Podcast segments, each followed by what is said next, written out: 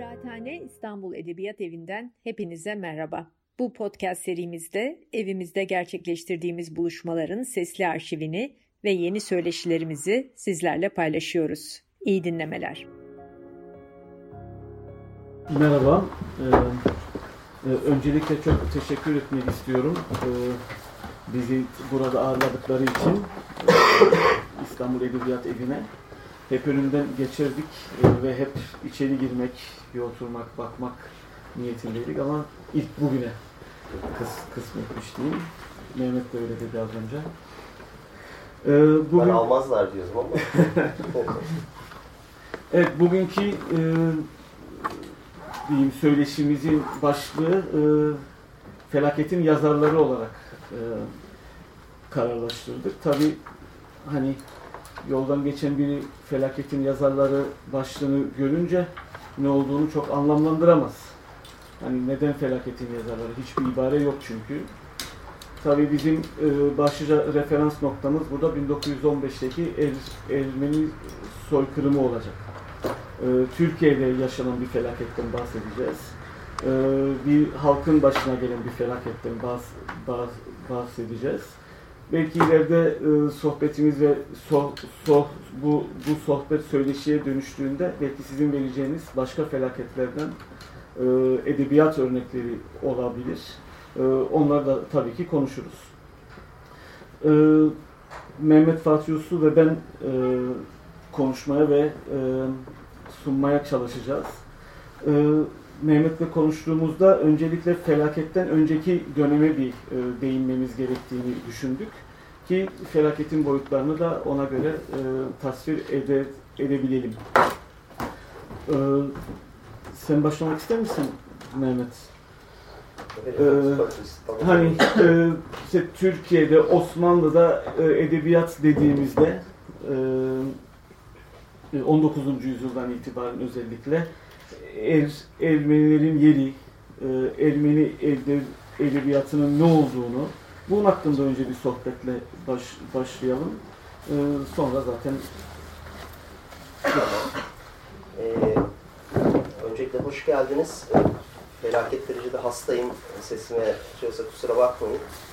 Ee, şimdi kolay değil tabii ki. Yani bütün Ermeni edebiyatının modernleşmesini, Osmanlı'daki Ermeni edebiyatının tecrübesini birkaç cümlede özetlemek ama e, özellikle Osmanlı'daki Türkçe edebiyatın, Türk edebiyatının macerasını bilenler için aslında oldukça paralel bir hikaye e, kabaca söz konusu denebilir.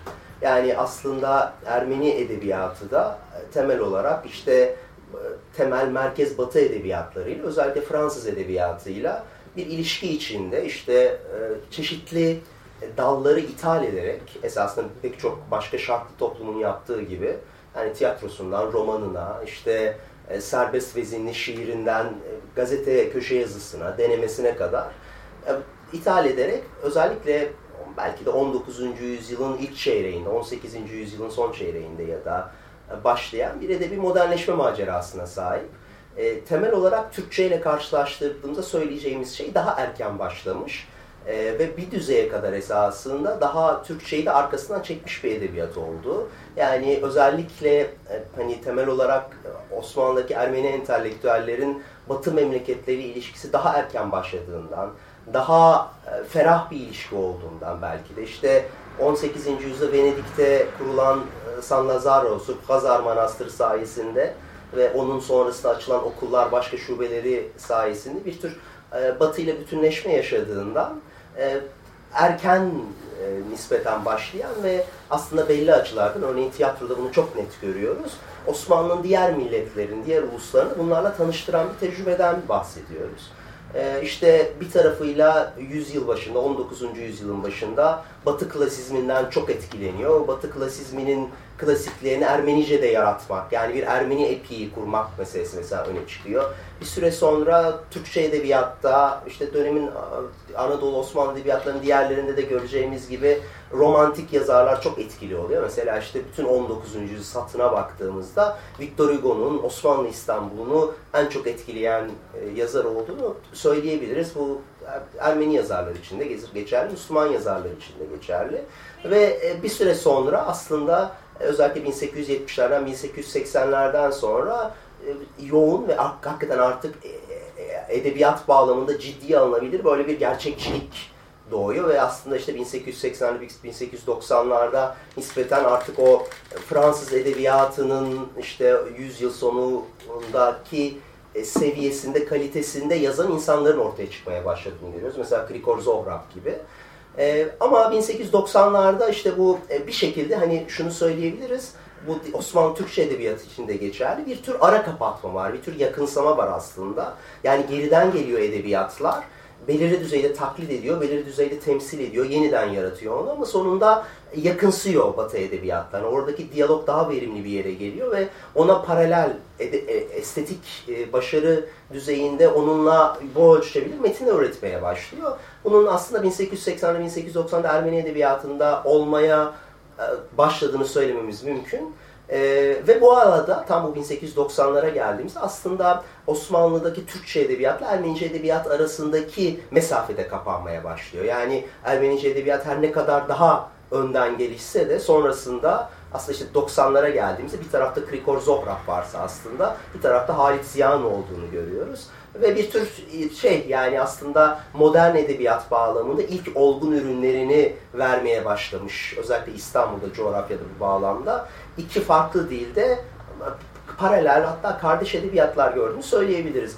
Bu bağlamda tabii ki 2. Abdülhamit dönemi iki edebiyatın gelişimine çok etki sahibi oluyor. İşte dönemin politik baskısı, işte kültürel çatışma vesaire. Örneğin şunu görüyoruz yani e, Halit Siyah 1896-97'de Mavi Siyah'ı yazıyor. Mavi Siyah'ı yazıyor. 1903'te Aşkı Memnu'yu yazıyor. Hakikaten dönem için zirve romanı ama Türkçe romanın genel hattı içinde zirve romanlar. E, ondan sonraki baskı mesela 1903'ten meşrutiyetin, ikinci meşrutiyetin başlangıcına kadar doğru düzgün hiçbir şey yok. Ondan sonra da bir tür milliyetçi edebiyat e, lezzeti ve tavrı o edebiyatı alta itiyor ve o Halis yani mesela iletişim kuracak bir edebiyat için yani Tanpınarları, Atılganları neredeyse 1950'ler sonrasını beklemek gerekiyor. Benzer şey daha acımasızca Ermenice edebiyatın başına geliyor esasında. Yani çok olgun bir yerde çok sayıda yazar üretmişken, çok sayıda periyodik yayınlanmış, yayınlanmaya başlanırken özellikle 1890'ların itibaren 2. Abdülhamit'in artan baskısı bu yüzyıl ortasında daha da şiddet bir baskıya dönecek ve yer yer Anadolu'da İstanbul'da şiddet uygulayan bir baskıya dönecek. Ee, Ermeni edebiyatını oldukça geriletiyor. Müslüman entelektüellerin önemli bir kısmı da ama Ermeni, edebiyat, Ermeni entelektüellerin bayağı ciddi bir kısmı dünyanın çeşitli yerlerine dağılacaklar. ve dağıldıkları için aslında işte kitap hacminde şeyler yayınlayamayacaklar. Bilmiyorum benim Krikor Vulgan'ın bir konuşmasından dinlediğim bir şey. Diyor ki mesela e, periyodiklerde kısa öyküler yayınlamalarına bir nebze izin veriliyor ama roman yazmalarına izin verilmiyor. Çünkü Osmanlı e, şeyi, zihni ya bu büyük kalın bir şeyler yazıyorsa bunun diyecek e, demek ki şumurlu, derin şeyleri var. Dolayısıyla izin vermeyelim. Bir perspektif var. Mesela Ermeni romancılığı çok az gelişiyor bu bağlamda hikayeciliğine kıyasla. 1908'den sonra bir e, e, olala dönemi oluyor. Yani tam bir böyle işte hürriyet e, e, şeyleri. E, bir yandan işte müthiş bir yayın bolluğu, bir yandan müthiş bir tiyatro bolluğu. İstanbul'da inanılmaz zengin bir hayat. İlk defa entelektüellerin, Müslüman ve Ermeni entelektüellerinin yan yana gelmesi ama e, daha bir 15'e gelmeden Balkan Savaşı'nda bu ortam bastırılmaya başlanıyor. Ve 15'e gelindiğinde de zaten Ermeni edebiyatı için işte felaket denen şey ortaya çıkıyor. 908 ile 915 arası çıkmış, Sevan orayı benden çok daha iyi biliyor. Edebiyat e, zenginliğine baktığımızda hakikaten Ermeni edebiyatı çok büyük kalemlerin ortaya çıktığını, çok işte e, işte Oşaga'nın, Zabel Yeseya'nın birçok başka önemli yazarın belki nispeten artık olgunlaşmaya başlamış ürünlerini vermeye başladığını, işte, e, işte bazı dergilerde e, Avrupa'nın avantgard akımlarıyla, Dostoyevski ile, Nietzsche ile, Zola ile iletişim kuran, ilişki kuran işte şeylerin, e, metinlerin yayınlanmaya başladığını. Mesela işte fütürizm, İtalyan fütürizmi hakkında yazılmış ilk kitap Ermenice, e, İtalyanca dışında.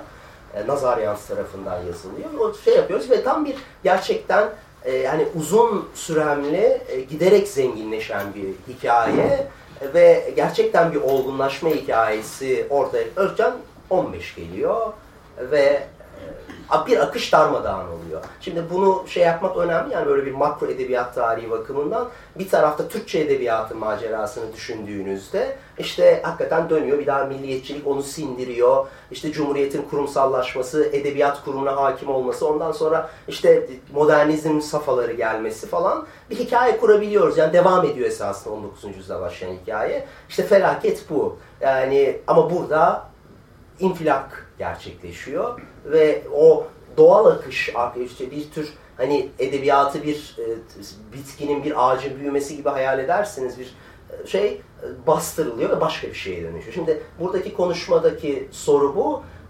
Bu başa geldikten sonra yani işte 24 Nisan'da memleketin yani Ermeni milletinin en önemli entelektüelleri toplanıp önemli bir kısmı hayatını kaybettikten bir kısmı işte akıl sağlığını kaybettikten, bir kısmı yazmayı bıraktıktan sonra işte Ermeniler tarihsel memleketlerini kaybettikten ve dünyanın çok çeşitli yerlerine savrulduktan sonra nasıl bir edebiyat yaptılar? Cevaben aslında yaptıkları şey e, trajik olarak, kaçınılmaz olarak bir felaket edebiyatıydı. Ve onlar da bu felaketin yazarı olmak e, kaderiyle e, baş başa kalmak zorundaydılar. Bununla yüzleşmek zorundaydılar. Ya da yüzleşmek zorunda olmaktan ne kadar kaçmak isteseler de, ne kadar başka bir şey yapmak isteseler de e, o karşılaşma anı, bu felaketle karşılaşma anı, o sadme, o darbe onların edebiyatını sonsuza kadar belirleyecekti. Hiç bahsetmese de 1915'ten,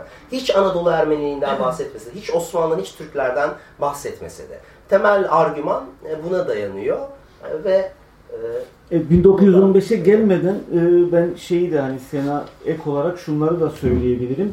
Hani çok e, e, İstanbul merkezli bir görüntü çizildi. Fakat unutmamak lazımdı ki hani Anadolu'nun diğer er, Ermenilerin yoğun olarak yaşadığı bölgelerde de çok ciddi bir edebiyat üretimi yapılmaktaydı ve bu en büyük merkezlerden biri de tabii İzmir'di e, hani biz hep böyle İstanbul merkezli düşünmeye meyilliyiz. Fakat İzmir'de İz, İz, İstanbul kadar e, özellikle çeviri edebiyatında çok ciddi bir konuma sahipti ve e, birçok dergi de yayınlanıyordu. Özellikle zikretmek istediğim bir isim de var. Kirkor Çilingiryan. Hatta Hugo hayattayken e, e,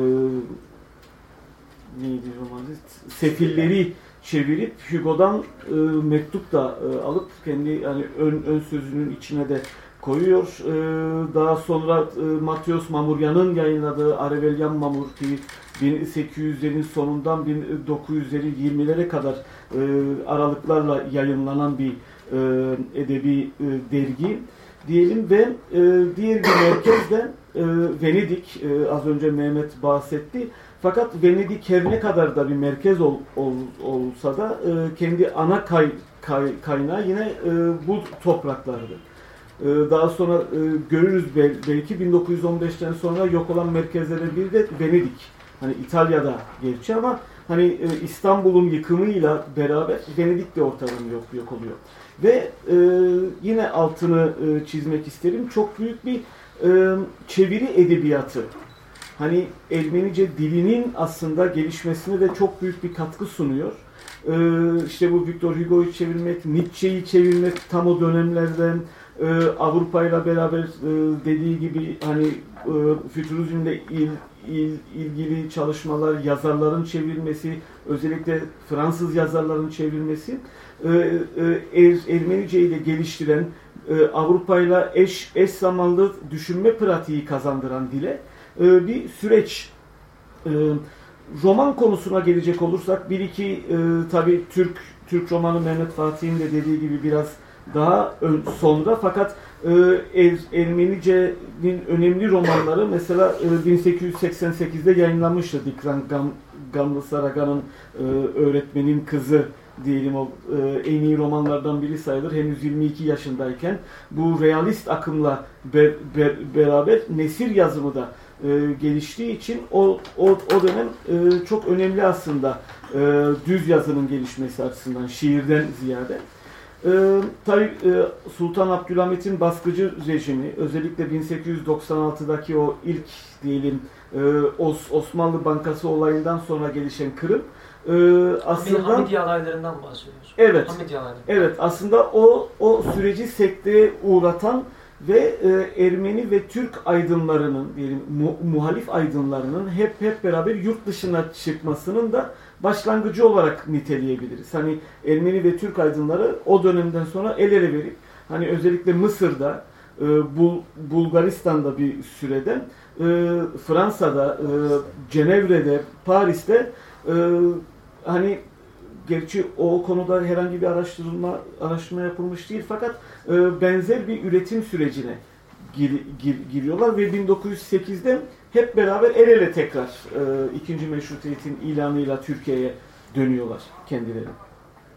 E, bu açıdan e, felaketi önceleyen, hemen önceleyen dönem 1908 ile 1915 arası e, Mehmet Fatih'in de belirttiği gibi Ermeni edebiyatı açısından çok büyük kazanımların olduğu, biraz da o bir felaket vardı evet. Ee, e, Osmanlı Bankası'nda o Hamidiye alaylarının e, tarafından yap, yapılan o kırım da aslında bir felaketti ve o felaketi anlama çabası e, az da olsa var. Fakat e, o felaketle 1915 arasında bir mukayese çizecek olursak e, biraz daha sonraki e, konuş konuşmamızda çok büyük fark var aslında. Çünkü bu 1896'daki kırımı tamamıyla e, Zabele Sayan da daha sonra e, yine aynı fikri söyleyecek Adana kırımı ile alakalı olarak hani vatan için yapılmış bir fedakarlık olarak e, e, istibdat rejimine karşı olan bir er, Ermenilerin ve Türklerin ve bütün halkların bir ne derler bir Karşı çıkış. e, karşı çıkışı ve bir bedel olarak algıladıkları çok açık. Ve 1908'den sonraki dönem 1895-96'daki kırımları da e, irdelemek mesela romanlar yazılmıştır. E, ilk roman mesela Misak Koçunya'nın Gragin Meçen romanı Ateşin İçinden ro- romanı ki hani 1895-96'dan sonra yazılamıyordu çünkü hiç hiçbir şey. Ve o dönemde e, Misak Koçunya'nın yazdığı o roman aslında e, gazetecilik anlamında da önemliydi. Çünkü direkt yaşadıklarını yaz, yaz yazıyordu roman olarak. Ya da 1500 say, sayfalık Sımpat Pürad'ın 96 diye bir romanı var. E, tamamıyla hani Osmanlı Bankası olayını anlatıyor. Biraz da hani popüler roman e, tefrika roman olarak yayınlanıyor. Hani bugünkü diziler gibi arka arkaya böyle bin, bin sayfa, 1500 sayfa Gazeteler. halkın da okuyabileceği. Evet gazetelerde veya fasikül fasikül yayınlanıyor. Ee, böyle bir roman var. Fakat daha zi- ziyade 1908'den sonraki dönem e, şiirin bence hani e, düz yazıyla be- beraber şiirin ortaya çıktığı, daha kuvvetli yazarların işte burada gördüğümüz işte Rupen Sevan, Tanyel Varujan'ın ortaya çık- çıktığı, kendileri çünkü 1885 doğumlu, 1884 doğumlu e, hayatlarını yurt dışında geçirmişler Sultan Abdülhamit dö- dönemindeki baskı sürecinde. E, işte e, Belçika'da okumuş, Lozan'da okumuş e, ve Türkiye'ye döndüklerinde aslında çok hevesliler. Hani yeni bir ülke kuruluyor, biz bu ülkeye katkı sun- sunacağız. Kendisi doktor ve e, orduda da görev alıyor. E, Tanyer Varujan politikacı olma e, hevesiyle eğitimine başlamış. Daha sonra köyüne dönüp, dönüp e, idealist bir öğretmen olarak aslında e, katkı sunmak niyetinde e, olan insanlar ve e, o dönemde ben şunu da hani edebiyatı keseceği için 1915 Kırım'ı e, şey hakkında da konuşmak istedim. E, bu e, toprağa dönüş Er- Ermenistan ede, edebiyatı olarak adlandıracakları bir sürecin başlangıcı. Hani e, şeydi değil mi? Hani biz is- e, çok takılıp kaldık İstanbul'a. Çok takılıp kaldık şehir hayatına. Biraz da tabii asıl e, tabii o dönem e, er, Ermenistan'a, Doğu Anadolu'yu er, Ermenistan olarak tabir ediliyordu. Ve kimse de orası Ermenistan değil demiyordu. E, ve orada bir er, er- Ermenistan ede- edebiyatı yaratalım diye bir manifesto da hatta yayınlamışlardı. Tam bu 1914'te tam Kırım'dan bir sene önce yeni bir hevesle savaşın da başlangıcı azısında e, Daniel Varujan'ın adını koyduğu Mehyan dergisi ile böyle bir süreç başlıyor. E, 7 sayı sadece çıkabiliyor. Ama hani Hagop Mınsuri mesela daha sonra e, bir e, taşra ede, edebiyatının temsilcisi olacak bir yazar. E, tam o dönemlerden Rupen Zar, Zartaryan değil mi? E, Tılgadın si, senin hemşerin. Hani e, Anat Anadolu'nun sesini İstanbul'a taşıyan yazarlar. Hani Anadolu'da ne var? İşte gelenek, görenek olsun, dil anlamında olsun, e, bakış açısı olarak böyle bir yenilenme sürecine de başlamıştı as aslında. Hani edebiyat açısından bu yenilenme sürecinin e, başlangıcıydı 1914 ve o dönem 1908'den doğmuştum. Ee, evet yani aslında tabii çok büyük dönemler. Özetledikçe bir sürü şeyi e, evet, unutarak, eksilterek anlatırız evet. ister istemez. Tabii dinamikler var. Yani mesela senin söz ettiğin şey bir esasında bir milli kimlik Mil, arayışıyla evet, beraber millileşme. Millileşme esasında coğrafyanın bütün milletlerinde olan Hı. aslında yani daha folk'a olan ilginin arttığı, Hı. halk kültürüne olan ilginin arttığı işte ve şey hani böyle neredeyse o Anadolu'daki saf asıl ben olan yani asıl Türk olan, asıl Ermeni olan o kardeşimin dili onun şeyi mesela daha bu Tılkatinsi Harputlu işte e, ilk öykülerini 1880'lerin başlarında İstanbul'da yayınlıyorlar. E, vasat öyküler aslında e, tabii ki ama Harput'tan geldiği için böyle şey var Harput. yani doğudan bir ışık yükseldi. Hı hı. Yani hakikaten böyle aman Allah'ım işte yani has Ermeni böyle şey yani bozulmamış. Hı hı. Bu kozmopolitizmin e, için, kozmopolit hayatın içinde kirlenmemiş o kişi. Çok paralel şeyler esasında. Bunlar Ömer Seyfettinler'de, Ali Canikler'de sonra erken Cumhuriyet Edebiyatı'nda falan olacak şeyler ama tabii mesela Ermeni Edebiyatı'nın için mesela Varujan gibi, hani Oşagan gibi bir yandan da tavırları öte yandan çok avantgard olan.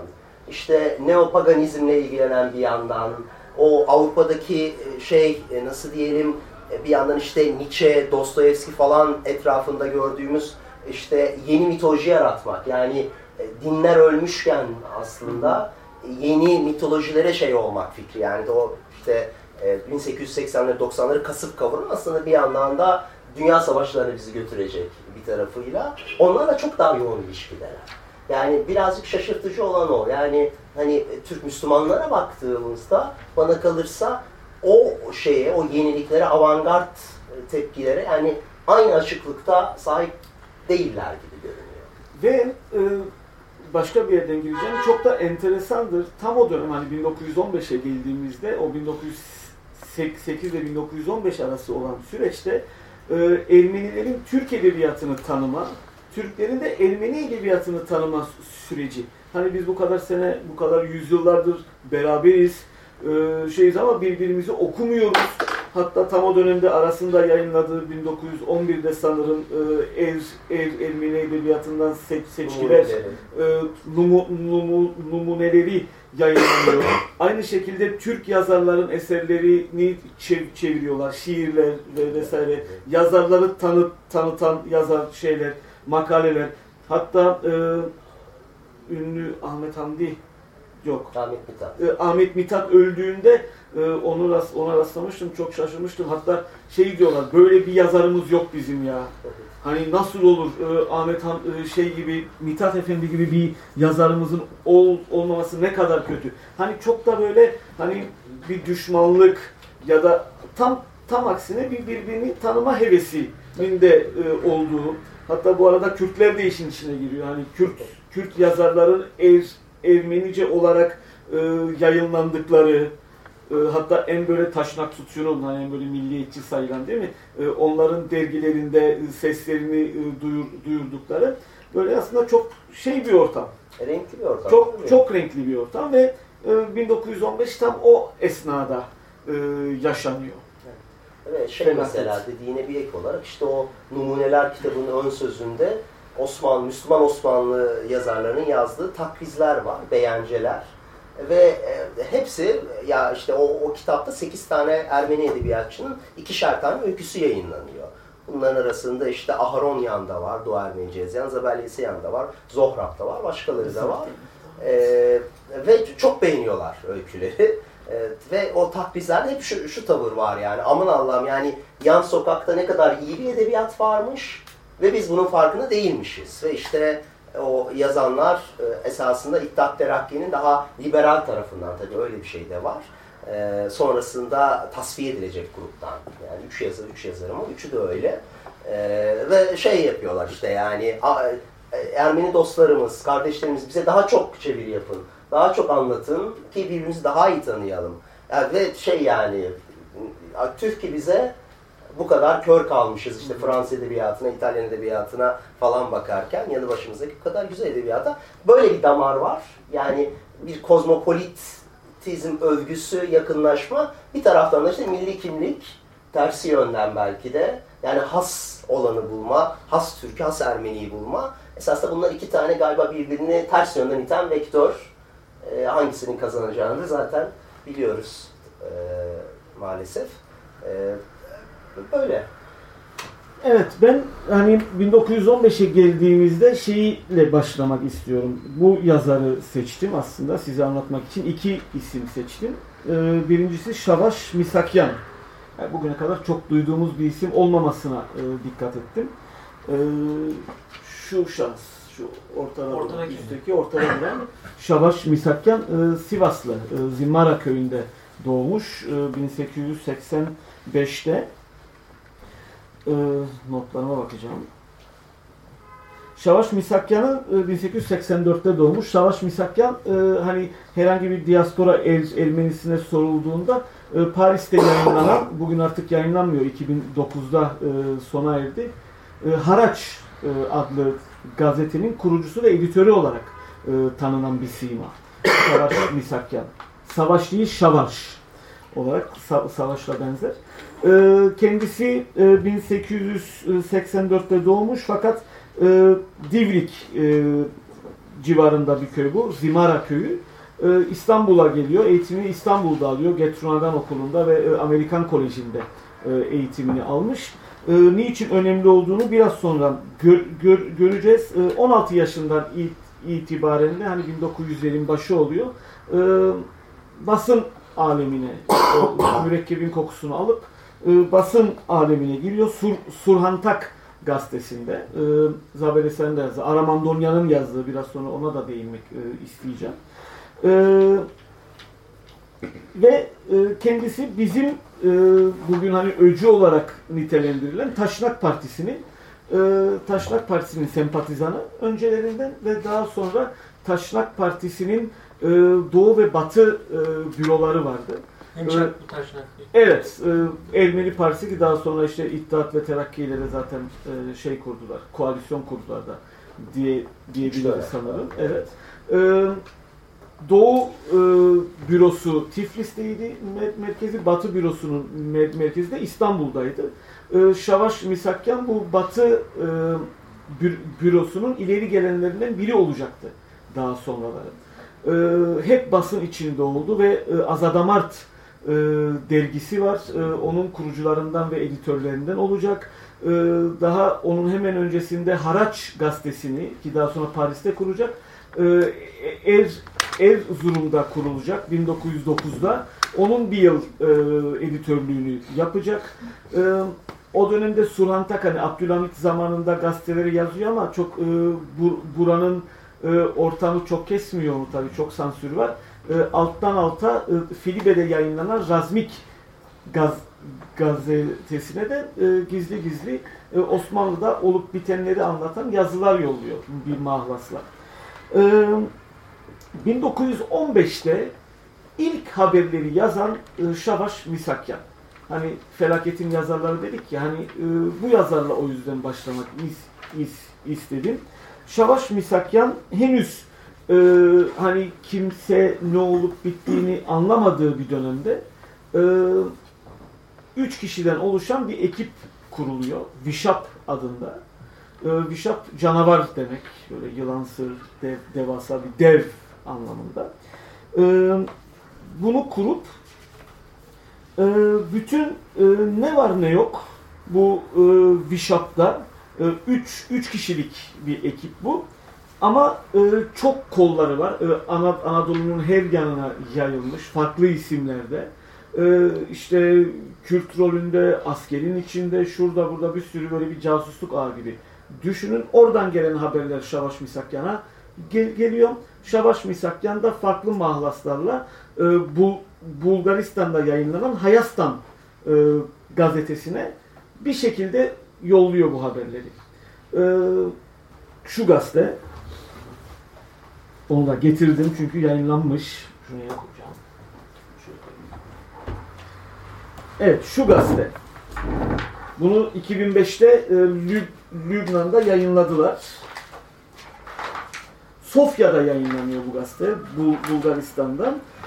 Ee, ilk haber yayınlandığı 22 Mayıs'ta 22 e, Nisan'da. Bu tabi eski takvim olarak düşünün. Hani 11 e, Nisan'da oluyor eski takvime göre. 13 günlük bir fark var. 11 e, Nisan, 24 Nisan. Bu 22 Nisan'da yani 11 gün sonra İstanbul'da kit, kitlesel tutuk tutuklamalar başlığı altında bu haber yayınlanıyor. Ve bu haberin kaynağı Şavaş Misakyan. Ee, başlıca kaynağı hani e, nasıl e, Sofya'ya gidiyor bu haberler? E, Bul Bulgaristan elçiliği vasıtasıyla olduğu çok kuvvetli bir, bir, bir ihtimal. Çünkü henüz savaşa girmiş değil. E, henüz Türk Türkiye'nin müttefik çünkü olacak. Henüz öyle bir durum ol, olmadığı için alttan alta orada çalışan Makedonlar vasıtasıyla ee, bir de bunlar zamanında 1908'de beraber mücadele ettikleri için öyle bir yoldaşlıkları da var. Ee, büyük bir ihtimalle onların vasıtasıyla bu haberler e, Sofya'daki bu gazeteye gidiyor. Ve ardarda bu gazetede bu haberler işte şunu tutukladılar, bunu tutukladılar, aydınlar tutuklandı, gitti, Anadolu'da böyle bir kırım başladı vesaire diye haberler sadece bu Hayastan gazetesinde değil, aynı zamanda e, Cenevre'de yayınlanan Taşnakların resmi yayın organı olan Troşak'ta, e, Amerika'daki ve e, Mısır'daki diğer gazetelerde de bu haberler yayınlanmaya başlıyor. E, kendisi aslında bu 1915'teki felakete de ilk e, tanımı koyan yazar diyebiliriz. Met Cıknajamı kendi tabiriyle hep met büyük demek. Hep zaten önünde bir büyük var. Met cıknaja yani büyük kriz olarak çevirebiliriz. İlk e, vaftizeden de diyelim olayları Şavaş Misakyan olmuş. Daha sonra Met Vociri denilecek büyük kıtal olarak çevirebiliriz. Belki. O da katliam manasında. Evet, katliam büyük katliam manasında. Büyük suç manasında. Fakat ilk ismi koyan Şavaş Misakyan Met Cıknajamı olarak e, bir yazı dizisine de başlıyor aslında. Ve e, herhalde mucize olacak çünkü kaçıyor vesaire ve tutuk tutuklanmıyor bir süre Şavaş Misakyan. Arandığına rağmen e, yer altına girip Beyoğlu'nda saklandığını söylüyor.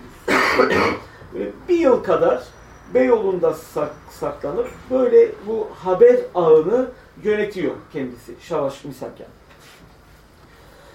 Ee, Bunlar bu bu mektupların orijinalleri de hala işte Boston'daki Taşnak Sütun e, arşivlerinde orijinalleri saklanmakta. Birkaç yıl önce de hepsi yayınlandı. Hani Taşnak Sütun'un bu yayınladığı arşivlerden o, o ciltlerin sonuncusunda 12. cilt sanırım. Orada hepsi yayınlandı ve kendisi 16 Mart 1916'da tutuk tutuklanıyor Şavaş Misakyan. Tutuklanması da çok ilginç aslında niyeti e, bir şekilde vapura binip kaçmak. Yine bir Bulgaristan elçiliği vasıtasıyla. Bu Bulgaristan elçiliğinde çalışan e, bir şahıs, e, adını söyleyeceğim, Vladimir Dimitriyev, e, Şavaş Misakyan'ı alıyor Galata'daki e, limana kadar gel geliyorlar pasportunu verdiği anda polisler bunu tutukluyor. Vladimir ayrılıyor, polislere bir şeyler konuştu diyor Şavaş Misakyan daha sonra. Tutuklanıp kendisi hapse atılıyor. Fakat teh, tehcire uğramıyor. Büyük işkenceler görüyor. Onu ona biraz sonra de, de, değineceğim. Bu Vladimir Dimitriyev de daha sonra e, teröre uğrayıp e, öldürülüyor. Öldüren de Yezid Arşak diye bir er, Ermeni e, adamı temizliyorlar. Yani. Yezid gerçek ismi mi? Lakap Yok herhalde lakap. Lakap. Yezid Arşak. Lakabı Yiğit. Lakabı. Şavaş Misakyan'ın hayatının e, şeylerine e, daha sonra geçeceğim. E, sözü şimdi de şeye vereyim. Onun felakete girişi bir de sen Bana kendi mı? şeyini yap, kendi pencerenden yap. Tamam yani sen daha örneklerden gideceksin. Hani ben de birazcık hikayenin belli yani hakikaten bu kadar büyük bir hikayeyi toparlamak çok zor. Ama en azından hani hem bir felaket kavramına yakınlaşmak, neden bu kavram önemli onu söylemek açısından hem de 15 ve sonrası Ermeni Edebiyatı'nın temel bazı hatlarını göstermek bağlamında birkaç bir şey söyleyeyim. Bazı önemli noktalar var hikayede işte. Birincisi işte 24 Nisan yani Ermenilerin soykırım anma günü olarak kabul ettikleri 24 Nisan esasında bu toplamaların başlanadığı düşündüğü zaman esasında birkaç gün önce başlıyor falan ama ve sonrasında 200 civarı tam sayısını hala bilmiyoruz. 200 ile 250 civarı arasında e, ki herhalde en iyi çalışma bu konuda Türkçeden Esim Obade İsrail'in son çalışması çok toparlayan bir çalışma oldu. Ermeni entelektüeli, bunların arasında politikacılar var, şairler var, yazarlar var, işte e, önemli toplum kanaat önderleri var vesaire. Anadolu'ya sürülüyorlar. Anadolu'da da iki ayrı yere Çankırı'ya ve Ayaş'ta toplanıyorlar. E, Ayaş'ta olanlar daha tehlikeli olanlar. Yani işte önemli taşnakçı figürler vesaire gibi ki onların e, çok az bir kısmı kurtulabilecek. Çankırı'da olanlar ise daha e, yani toplum önderleri olan işte bu şairler mesela belki Osmanlı'nın 20. yüzyıl başının en büyük müzik insanı Gomidas. Ee, sadece Ermeni müziği için değil, tüm Osmanlı coğrafyası için belki de en önemli isim, isim olan Gomidas gibi işte e, gördüğümüz Varujan, Sevak, evet, şey, en önemli şairler vesaire başka insan orada toplanıyorlar. Ve orada aslında e, geçirilen süre e, çok temel bir e, nasıl diyelim 24 Nisan mitolojisi yaratıyor e, Ermeniler için. Yani aslında oradaki e, işte insanların, e, orada olan önemli yazarların, düşünürlerin bir şekilde milleti temsil eden insanlar olduğu fikri Hı. ve orada onların başına gelen şeylerin milletin başına gelen şeyler olduğu e, nasıl diyelim mitosu aslında yani gerçekten. millet inşasında kullandıkları bir e, şey millileşme, millet algısında kullandıkları millet Yok öyle değil. E, izin verirseniz devam edeyim. E, bir ondan sonrası da özellikle bu felaket edebiyatı e, oluşurken sonrasında dönüp dolaşıp gelecekleri şey oluyor. Neyi kastediyorum? Örneğin e, işte bu bahsettiğim Gomidas işte e, bir rahip aynı zamanda Osmanlı entelektüelleri tarafından çok sevilen bir müzik adamı. Ee, ve e, şey değil, hiçbir politik esasla bağlantısı yok falan ama e, Çankırı'ya sürülüyor. Ve orada e, henüz başına sert bir şey gelmeden yani bir işkenceye uğramadan bir ölüm tehlikesiyle karşı karşıya kalmadan ciddi bir e, mental, zihinsel e, şoka uğruyor. Daha hemen sürecin başında. E, ve sonrasında e, işte 3 hafta sonra kurtarılacak. Rivayete göre Halid Edip yakın dostu araya giriyor ve kurtarılmasını sağlıyor. Ama o tarihten sonra bir daha müzik yapmıyor. Ve bazı kaynaklarda bir daha konuşmadığı uzun yıllar boyunca söyleniyor. Aslında ne o mesela? Yani Gomidas'ın kesilen sesi değil sadece, milletin kesilen sesi. Yani Gomidas sustuğunda esasında Ermeniliğin e, sesi de kısılıyor gibi. İşte Tanyel Varujan mesela işte hakikaten şey e, bir genç şair olarak dönemin belki de en iyi şairi. Bu arada Aras Yayıncılık'tan yeni kitabı yayınlandı. Hatsin Yerka Ekmeğin Şarkısı diye. Belki de en önemli kitabı değil mi şey olarak? Yani evet tamamlanmış değil. Ama işte mesela onun evet. mitosu yani e, kitap e, yıllar sonra poliste, emniyette poliste, evet. e, onun eşyaları arasından bulunuyor. E, ve dolayısıyla mesela şey gibi yani orada 6 e, tane mi, 8 tane mi sürekli defter dolduruyor. Favarujan diğerleri pek konuşmuyor ve sürekli defter dolduruyor. Yani o günleri yazıyor. Ne yazdığını tam bilmiyoruz ama o defterler bugün kayıp. Mesela bir sürü benim konuştuğum Ermeni daha yaşlı entelektüel din adamında falan hep şey var.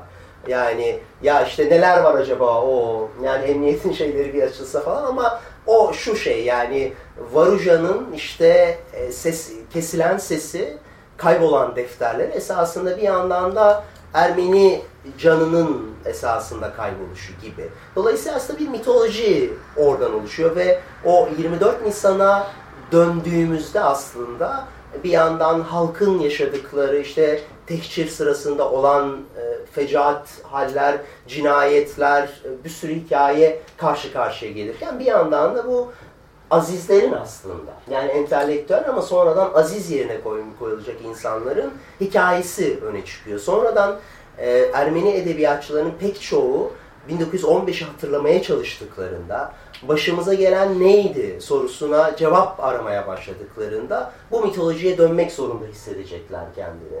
Örneğin e, Hagop Oşagan ki belki 20. yüzyıl Ermeni romanının en önemli birkaç isminden birisi. E, Bursalı, Bursa Sölöz köyünden yetişme otodidakt, kendi kendine Fransızca öğrenen falan bir entelektüel. 1915'te tutuklanmıyor. Kaçmayı başarıyor, nasıl kaçtığını bilmiyoruz vesaire. Sonra işte Kıbrıs'ta, e, Kahire'de değil mi? Beyrut'ta, evet. dünyanın çeşitli yerlerinde e, yaşıyor ve e, temel meselesi, edebiyatının temel meselesi 1915'i nasıl anlatırım oluyor. E, şöyle bir şey söylüyor, bizim edebiyatımızın temel bir kusuru vardı, biz edebiyatımızda Türkleri anlatmadık. Türkiye anlatmadık. Hakikaten 15 öncesi Ermenice edebiyatına baktığımızda, Ermeni edebiyatının önemli eserlerine baktığımızda şunu görüyoruz. Yani e, Türkçe edebiyatta da pek çok örnekte geçerli olan bir şey bu.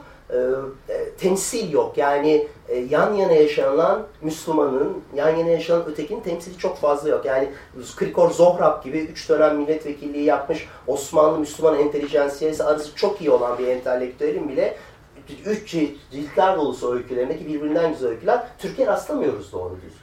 Yani o, o çok hakikaten enteresan bir fenomen. Sebebi de tartışılmaya değer. Ve diyor ki Oşagan bunu yapmadık ama bir gün diyor Türkler kendilerini tanımak istediklerine ben öyle bir külliyat bırakacağım ki Türkler kendilerini tanımak istediğinde açıp benim romanlarımı okuyacaklar.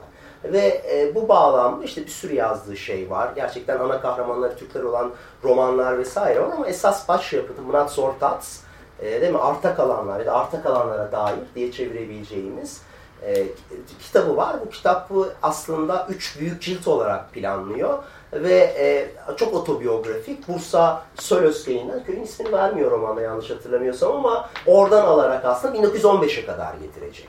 İşte birinci cildin adı Rahmin e, neydi? Arkantin Rahmi içinden Evet. Rahmi Arkantin geçen. E, ikincisi Cehennem. Pardon. Iki, Üçüncüsü Cehennem. Üçüncüsü Cehennem yazamadı. Evet. İkincisinin adı neydi?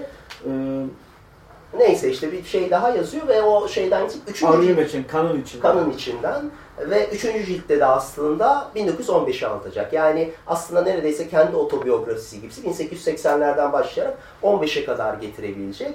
İkinci cilt özellikle şey var yani orada hakikaten işte e, tanıştığı bir, kendisinin de hayatta tanıştığını bildiğimiz bir taşnak kaçak var. E, Doğu Ermenistan'dan geldi. Evet. O Mati'nin işkence sahneleri mesela bir Türk subayla göre işkence sayfalar dolusu anlatıyor. Sayfalar yüzlerce sayfa işkence sahnesi falan, hapishane sahneleri, işkence sahneleri vesaire. Üçüncü ciltte işte getirecek bunları ve e, hayali o ki bunu kendi yazdıklarından biliyoruz. Çankırı'da, Çankırı hapishanesinin içinde bir törenle bitirecek. O törende işte Gomidas e, piyanosunun başında işte bütün bu büyük entelektüeller, milletin has çocukları orada toplanmış şairler, düşünürler, doktorlar, politikacılar vesaire ve hep beraber Gomidas işte o meşhur e, iç yakın ilahilerini söylerken hüngür hüngür ağlıyorlar e, diye bitecek mesela.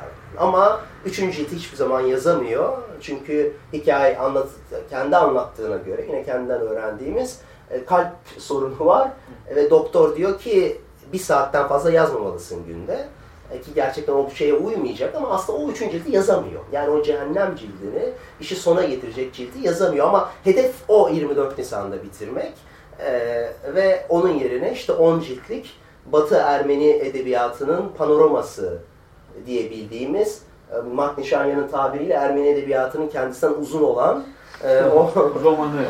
Ermenistan'ın romanı diye bir nevi. Evet. Evet yani son cilde tamamen kendi hakkında, kendisinden üçüncü tekilde bahsediyor. Ee, yani Oşagan şöyle yaptı, Oşagan edebiyatında Şu, böyle şey var şu falan. Evet.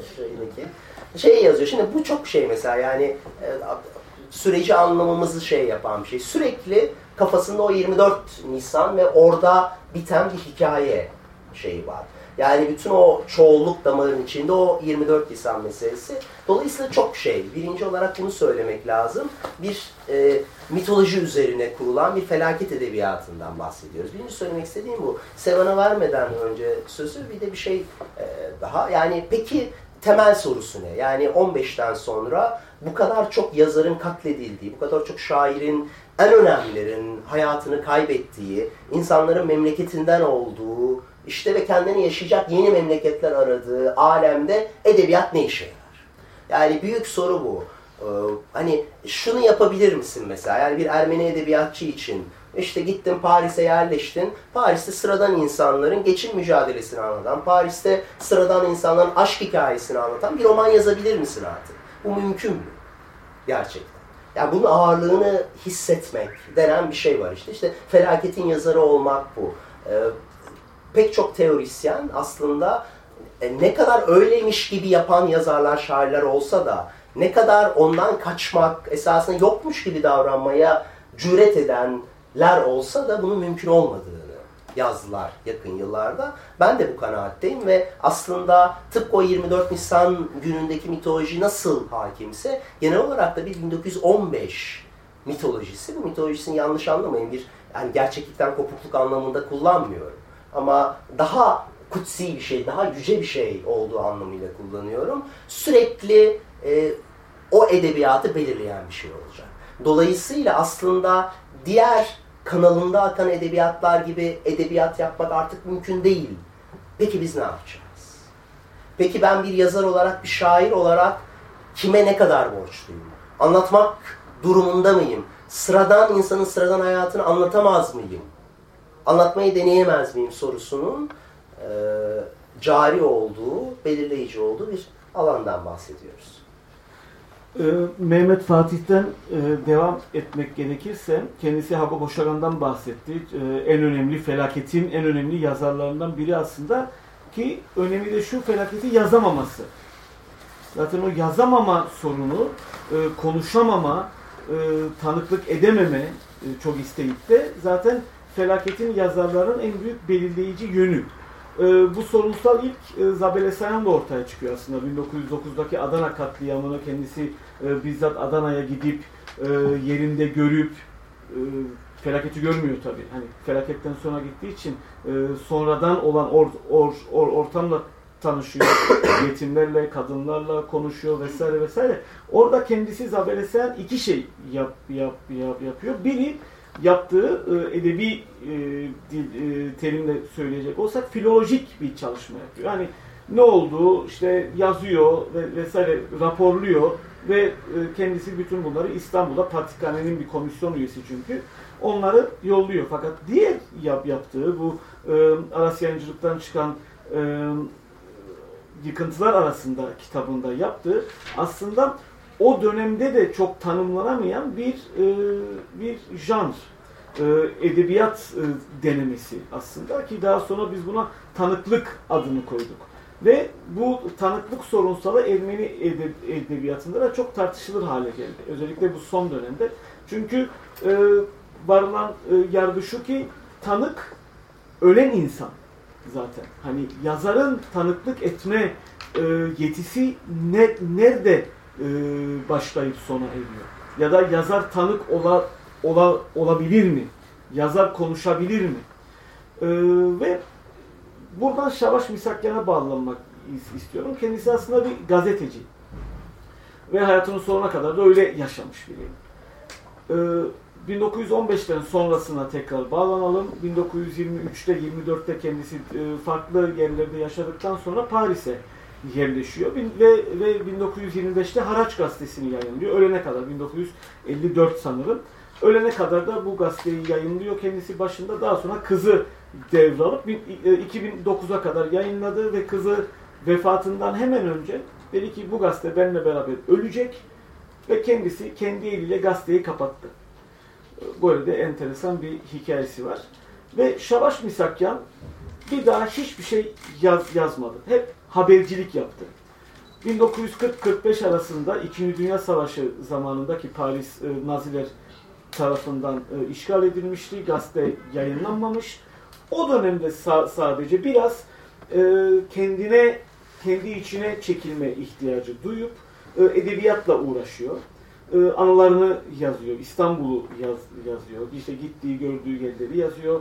E, ama bütün bu süreçte kendisi bizzat edebiyatçı olmamasına rağmen e, edebiyatçıları destekleyen, genç yazarları destekleyen bir tavır içinde. E, tekrar Aras'tan yayınlanan Sessiz Ricat romanı mesela e, Haraç gazetesinde tefrika edilmiştir. Birçok baskı ol, ol, olmuştur Şavaş Misakyan üstüne bu bunu yayınlamam. Çünkü Şah, Şahnur çok provokatifti. Cinsellik vardı romanda işte Tanrı'ya karşı, işte er, er, Ermeni milletinin kutsallarına karşı e, küfürler diyebileceğimiz o dönemin insanların küfürler dedikleri şeyler vardı ve e, yarım kalmasını rica ediyorlardı. Baskı uygulama Şavaş Misakyan mesela o Şavaş Misakyan sayesinde Şahan Şahnur sonuna kadar o romanı getirebildi. Yani bu tip bir insan oldu Şavaş Misakyan ve ne zaman konuştu Şavaş Misakyan? Bu e, Ali, Ali Rıza Öge e, Meşrutiyetten Cumhuriyeti bir polis şefinin gerçek anıları. Ali Rıza Öge 24 Nisan'da Ermeni aydınları tutuklayan adam. E, Ali Rıza Öge. Bu kitap Bursa'da yayınlanmış 1957'de.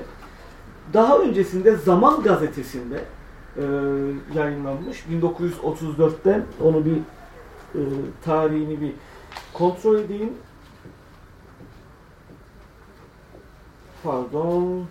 Evet 1935'te Zaman gazetesinde tefrika olarak kendisi Ali Rıza Öge isim yayınlamadan bir polis şefinin anıları olarak isim koymuyor.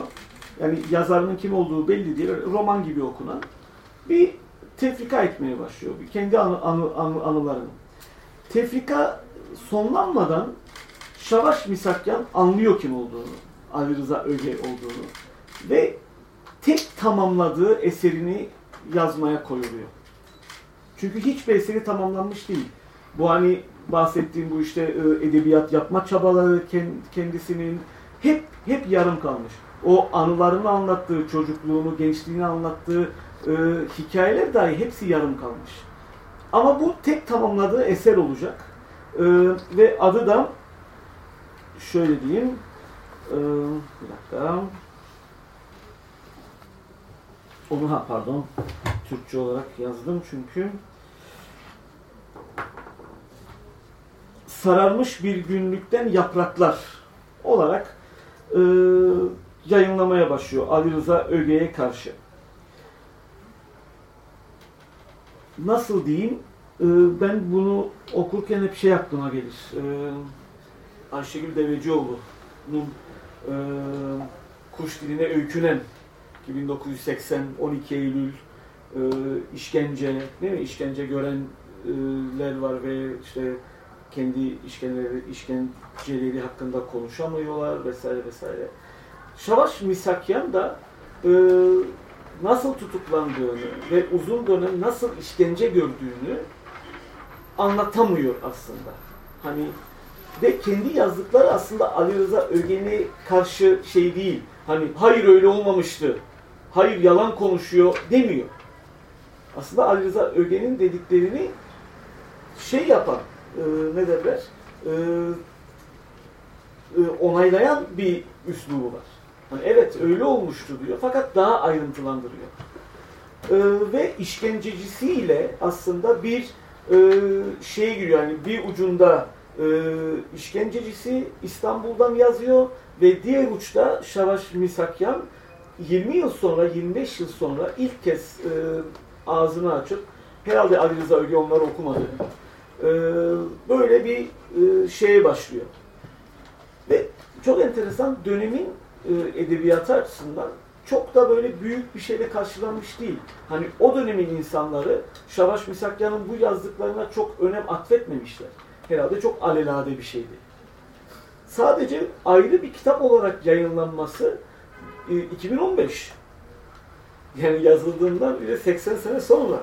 Hani aa böyle bir şey varmış. Hani aslında bugün bunu biz anlamlandırıyoruz.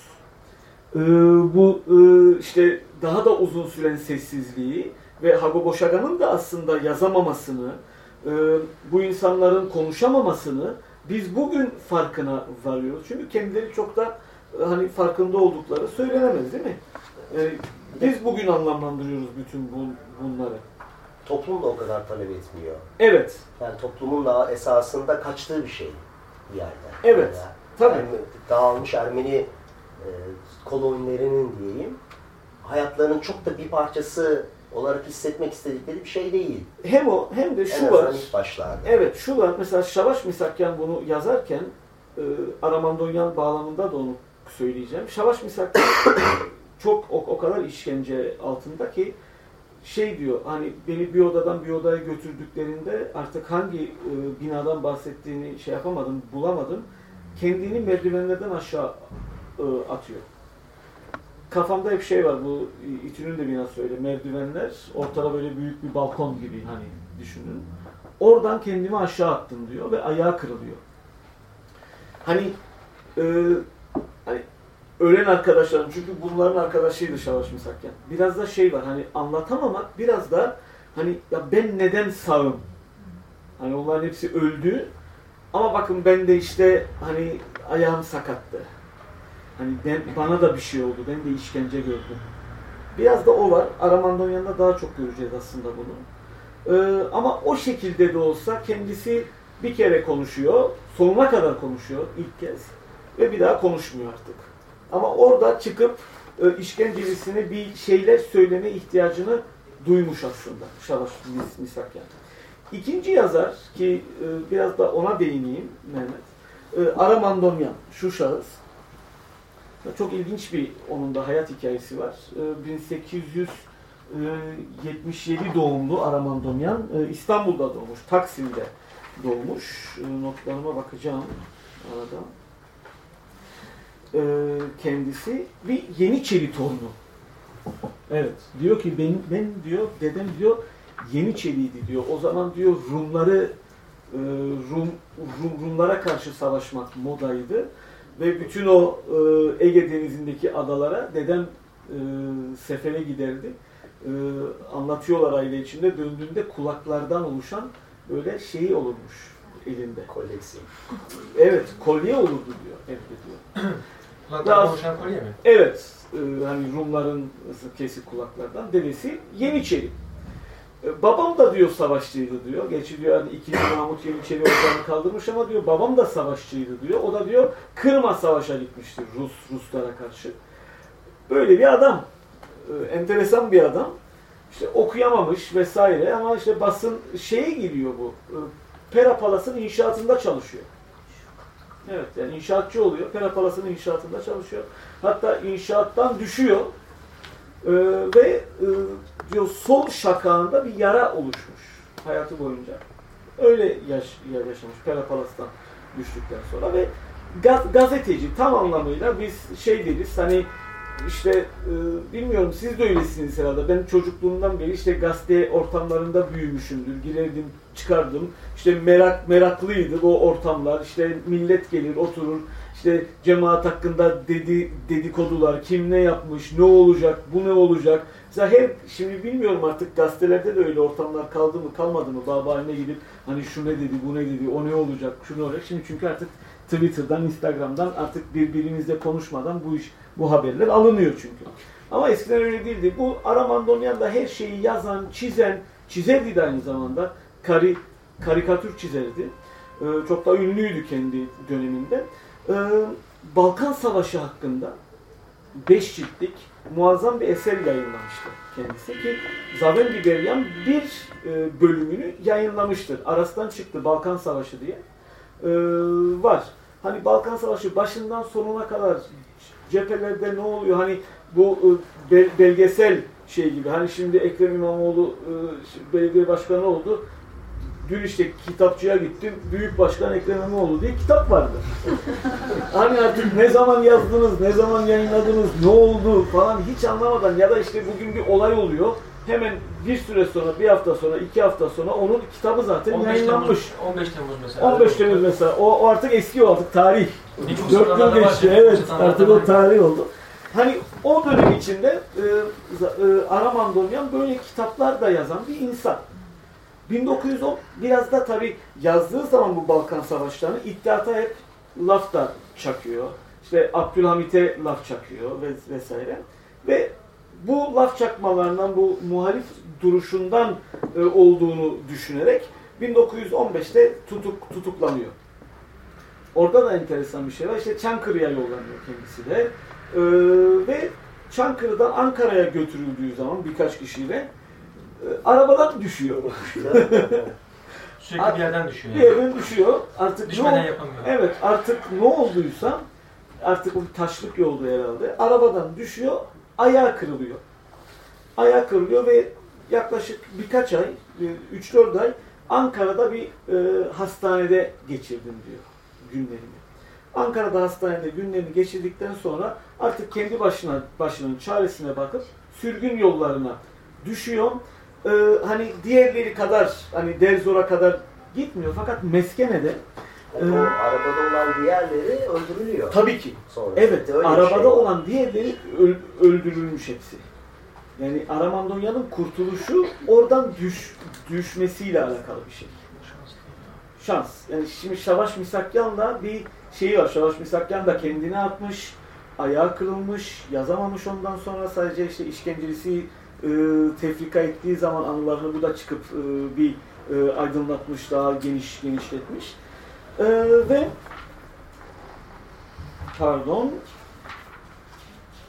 ve kendisi e, evet bu arabadan düşmüş ve bir süre Ankara'da hastanede kalmış ve daha sonra Meskene'ye kadar işte Adana, Halep e, ve Meskene'ye kadar ulaşmış. Ve çok enteresan herhalde soy, soykırım sürecinde, bu felaket sürecinde bunları da bunlar, bunlar hakkında da konuşuruz. Niye felaket kelimesini kullanıyoruz? Ee, direkt orada insanlarla konuşup yazıyor. Hikayeleştirip yazıyor. Bu da enteresan. Bir hikayeleştirip yazdıkları var. Ee, kendisinin içinde olmadığı, kendisi yani biz gibi konuştuğu, hani üçüncü şahıs olarak konuşup anlattıkları var. Bir, bir de Balkan Savaşı'na yaptığı gibi tamamıyla binlerce sayfa, binlerce sayfa kayıt alıyor insanlardan. Ve Türk e, memurlardan.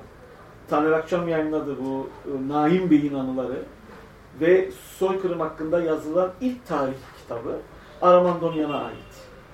Böyle bir hani belgeselci yönünü orada konuşturuyor ama bir dönem yazar oluyor Aramandonyan. Hikayeci oluyor. Ve yazdıkları tamamıyla işte çocuklar, kadınlar, 1915'te o anda olanları hikayeleştiriyor. Bir 6-7 hikaye aslında ve daha sonra o da susuyor. Oradayken yazıyor ve sonra o da susuyor. Biraz da şey var onda da. Arkadaşlarım öldü. Bir suçluluk hissediyor. Arkadaşlarım öldü, herkes öldü ama bakın benim işte ayağım kırıldı. Bana da bu oldu aslında. Arabadan düştü. Arabadan düştüm vesaire. Ve oradaki insanları e, ak, aktarmak. Ve e, daha sonra kendisi Paris'te yaşamış. Paris'te yaşamış. Bu Nubar e, kitaplığı vardı. Duymuşsunuzdur Paris'teki. Nubar kitaplığının müdürlüğünü yapıyor 1950'leri 54'e kadar, ölümüne kadar.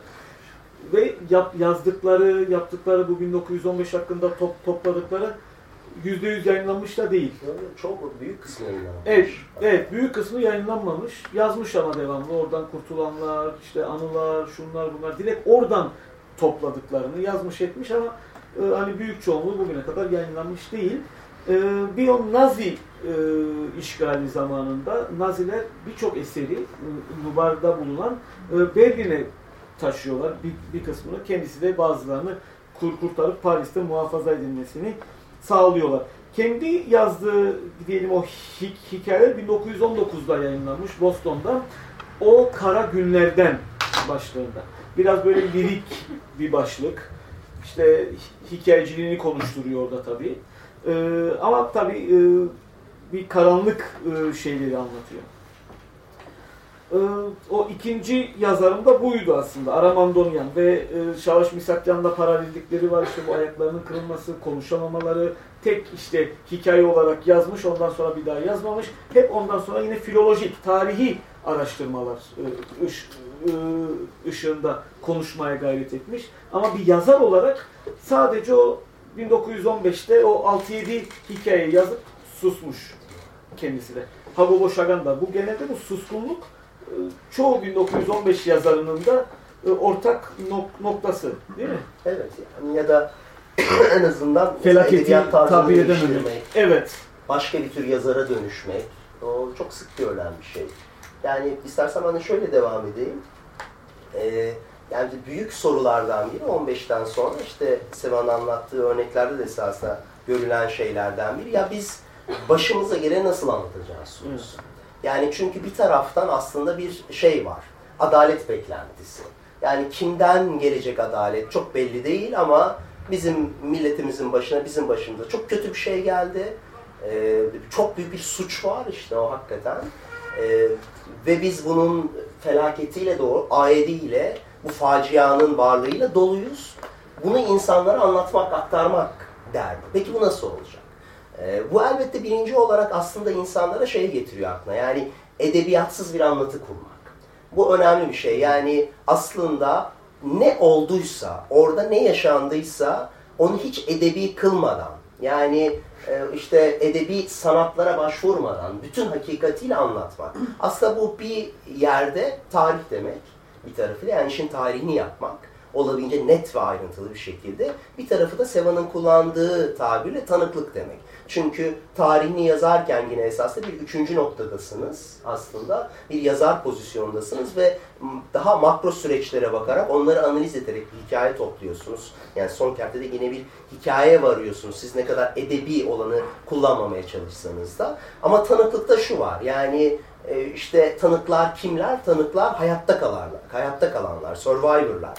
Hakikaten yani başına o şey gelmiş esasında yakınındaki, berisindeki karısını, çocuğunu vesaire kaybetmiş. Yani onları kurban vermiş buna. Kendisi bir şekilde ondan kurtulmayı başarmış ama ona ona şey olmuş. Dar anlamıyla tanık olmuş.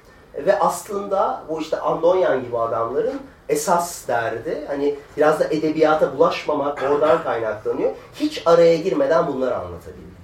Bunları ki neden? Ki çünkü dünya, ki çünkü bir gün adalet gerçekleşse diğerleri olayı bütün çıplaklığıyla görebilsin. Ee, arzusu. Bu çok önemli noktalardan birisi. Tabii ki şu var aslında, yani burada tam temel teorik sorular var. Hakikaten yani tanık olmak mümkün mü gerçekten? Yani evet Oşagan 1915 yılında tutuklanmadı ama ya ötesindeki beristeki insanlar tutuklandı, akrabalarını kaybetti vesaire. O sürece bir ölçüde tanık oldu ama e, başı vurulan değildi esasında. İşte bizzat hakikaten kanı akıtılan değildi. Kurban kanı akıtılandır ya. Aslında dolayısıyla o kurbanla tanığın çakışan pozisyona sahip olmayan kişi ne kadar tanık olabilir?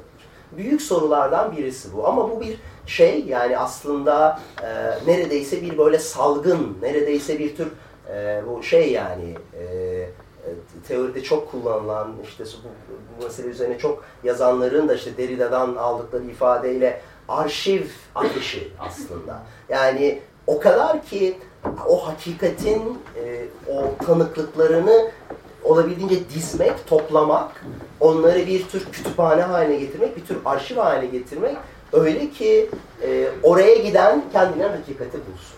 Şimdi e, bu bir, bu bir tarafıyla romantik bir inanç elbette.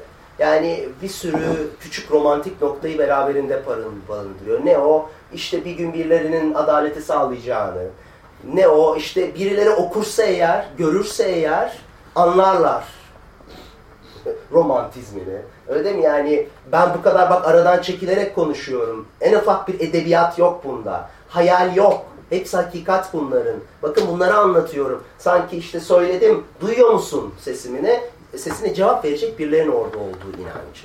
Ee, bu çok kısıtlıyor edebiyatçılar. Yani gerçekten de hani sanki yani o işte ismini ne koyarsanız o mitolojiyi, o, o, o kutsal kaybı, burada o Hristiyanlık kültürünün falan da çok şeyi var aslında. Yani aslında bir tür şey hani e, nasıl diyelim o kurban olma hali o işte e, yazarın adı Ermeni Golgota'sının meşhur Balakyan. Balakya'nın ismini verdiği esasında İsa'nın Golgota'ya da çarmıha gerilmesi gibi aslında. Yani orada millet çarmıha gerilmiş as ve şey yani e, ve şey yani aslında o çarmıha gerilme anı nasıl dile getirilebilir meselesi, nasıl söylenebilir meselesi tutukluyor, yani tutuyor hepsini. Yazamaz, konuşamaz. E, e, yani konuşursa onun anısına, onun o kutsiyetine zarar verirmiş. Onu lekelermiş hissiyatını oluşturmak meselesi çok önemli noktalardan, kaygılardan birisi. Ama şu var aslında öte yandan, e, biliyoruz ki bu bağlamda da ne tarih, yani yaşadığımız mesela bunu, bunu istediğiniz şekilde söyleyebilirsiniz. Yani 1915'ten bugüne bizim maceramızda. İşte dünyanın başka büyük felaketlerin hikayelerinde, bunu Amerika'dan Almanya'sına bir sürü yere genişleterek söyleyebilirsiniz. Tarih, bunların tarihlerini yazarak, bunların tanıklıklarını yazarak karşıdakini, ötekini terbiye etmiyor. Ona hakikati saf ve şey bir şekilde ulaştırmıyor. Eğer böyleyse hakikaten vaka vaka olan buysa anlatmak mümkün mü gerçekten olan şey? Ee, sorusu can yakıcı bir soru olarak duruyor. Yani bir taraftan sanki onun edebiyatını yapmak e, onu kirletecek bir şey ama bir yandan aslında e, tanık olmak da saf tanık pozisyona çekilmek de bir tür yanılsamaya kendini hapsetmek. Tarihe fazlasıyla inanmak, hukuka fazlasıyla inanmak demek oluyor.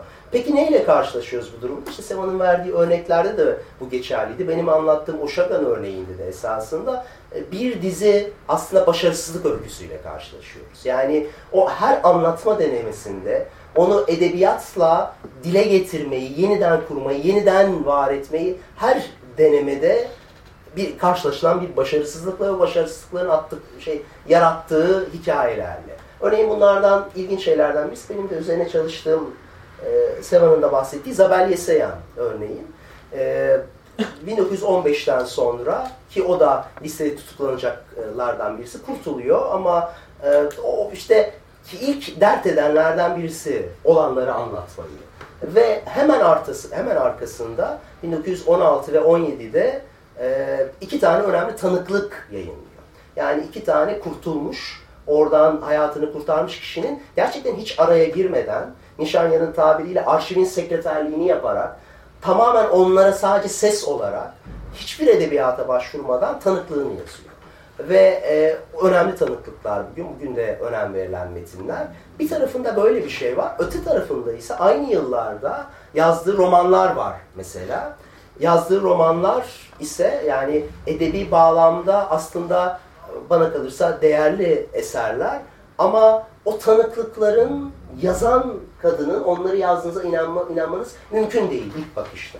Yani birinde e, işte mesela hemen yazdığı son kadehte e, bir tür aldatma hikayesini anlatıyor.